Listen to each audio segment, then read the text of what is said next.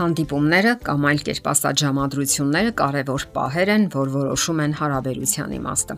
Սակայն երիտասարդները հաճախ ժամադրվում են առանց լրջորեն հասկանալու այդ կարևոր իրադարձության նպատակը, եւ արդյունքում հիմնախնդիրներ են առաջանում։ Միանգամից ասենք, որ ժամադրությունների նպատակը դիմացինին ճանաչելն է, նրա բնավորության առանձնահատկությունները հասկանալը։ Իսկ եթե ծանոթությունը պարզապես մարմնական բնույթ է կրում, օգտագործվում է մերց հարաբերությունների համար, շատ շատ արագ հանգեցնում է բարթույթների։ Ճշմարտությունն այն է, որ երիտասարդական հանդիպումների նպատակը բոլորովին էլ սեռական հարաբերությունները չեն։ Ամբողջ ժամանակը գրկախառնությունների ու համբույրների վրա տրամադրող զույգը դժվար թե հասցնի ճանաչել միմյանց, եւ կասկածելի է, որ նման հանդիպումներից ծնված ամուսնական միությունը երջանիկ ավարտ կունենա։ Այդ դեպքում հանդիպումներն ու հարաբերությունները մնում են པարզունակ փաղաքշանքների ու շփման մակարդակում։ Այնինչ հարաբերություն հնարավորությունները պետք է զարգանան ներդաշնակ, ինչի համար անհրաժեշտ է զսպվածություն եւ խելամտություն։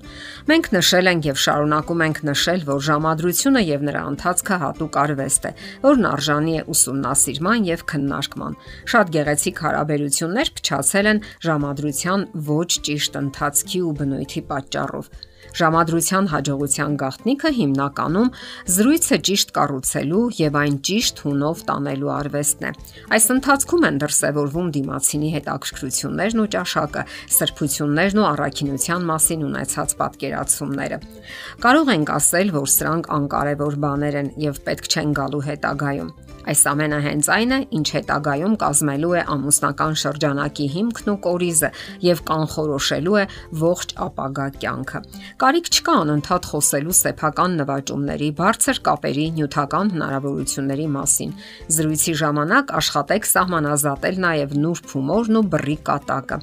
Իրենց մասին չափազանց շատ խոսող կամ ցինիկ մարդիկ հիմնականում կոմպլեքսավորված են, ամաչկոտ։ Եթե դուք ժամադրության ժամանակ չափազանց շատ եք հուզվում զգում բնույթով ամաչկոտ եք, ապա փորձեք մոռանալ ձեզ եւ մտածել միայն դիմացինի մասին։ Թվում է սամանրուք է, սակայն սրանով դուք կբարելավեք ձեր վերաբերմունքը ուրիշների հանդեպ եւ բնականաբար նրանց վերաբերմունքը ձեր հանդեպ։ Իսկ ինչ վերաբերում է փաղաքշանքներին, դրանք միանշանակ ամուսնական շրջանին են վերաբերում։ Իսկ թե ուր գնալ եւ ինչով զբաղվել, այդ մասին կարելի է մտածել։ Բոլոր դեպքերում մեկ անգամ եւս նշենք, որ պետք է հանդիպել մարդաշատ հասարակական վայրերում, ինչը կնպաստի առողջ հարաբերություններին։ Գոյություն ունեն երկու տեսակի ժամադրություններ՝ տեսողական եւ ակտիվ։ Տեսողականի ժամանակ ձեզ զբաղեցնում են Դուք ֆիլմ եք դիտում կամ էլ հետաքրքիր երաժշտություն եք լսում։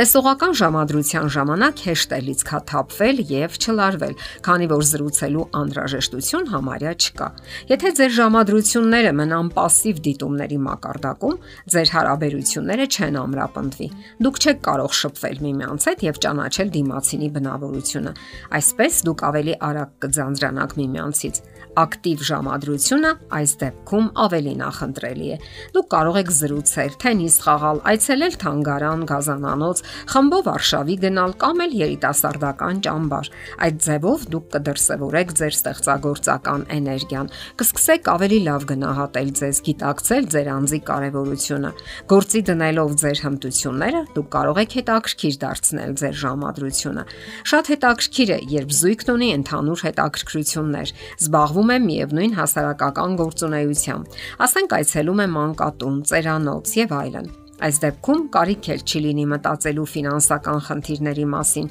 զվարճանքի վայրեր այցելելու համար։ Չպետք է բացառել նաև ընկերական հավաքները։ Դրանք անկաշկանդ մտնոլորտ են ստեղծում եւ ազատ շփման հնարավորություն տալիս եւ դարձյալ ու դարձյալ հիշեք, ժամադրությունները պետք է մնան ակտիվ շփման ու փոխհարաբերության մակարդակում։ Դրանք փաղաքշանքների ու համբույրների համար չեն։ Դրանք ամուսնական ժամանակաշրջանի մենաշնորհն են եւ այն խորթավորը, որը դեռ գալու է ձեզ համար։ Պետք չէ ժամանակից շուտ ճանաչել այն, որովհետեւ եթե ձեր հանդիպումները ամուսնական միությամբ չավարտվեն, հետագայում խորապես կզղջակ ամեն ինչի համար։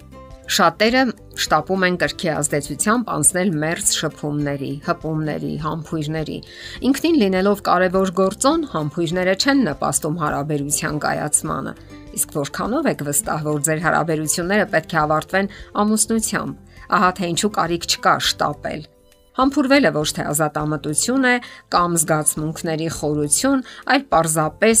առաքինության բարոյական տարական կանոնների խախտում որը սովորաբար հանգեցնում է ճգնաժամի։ Չէ որ այդ հանդիպումները, ինչպես ասացինք, միշտ չէ որ կավարտվեն ամուսնությամբ, ուրեմն ինչու ցավ պատճառել եւ ցավ ապրել։ Ժամադրությունը լուրջ եւ նուրբ արվեստ է, Փորձեք ճիշտ հասկանալ դրա էությունն ու նպատակը։ Թող ձեզ համար բնաբան ծառայեն հայ նշանավոր բանաստեղծ Սևակի հետևյալ տողերը։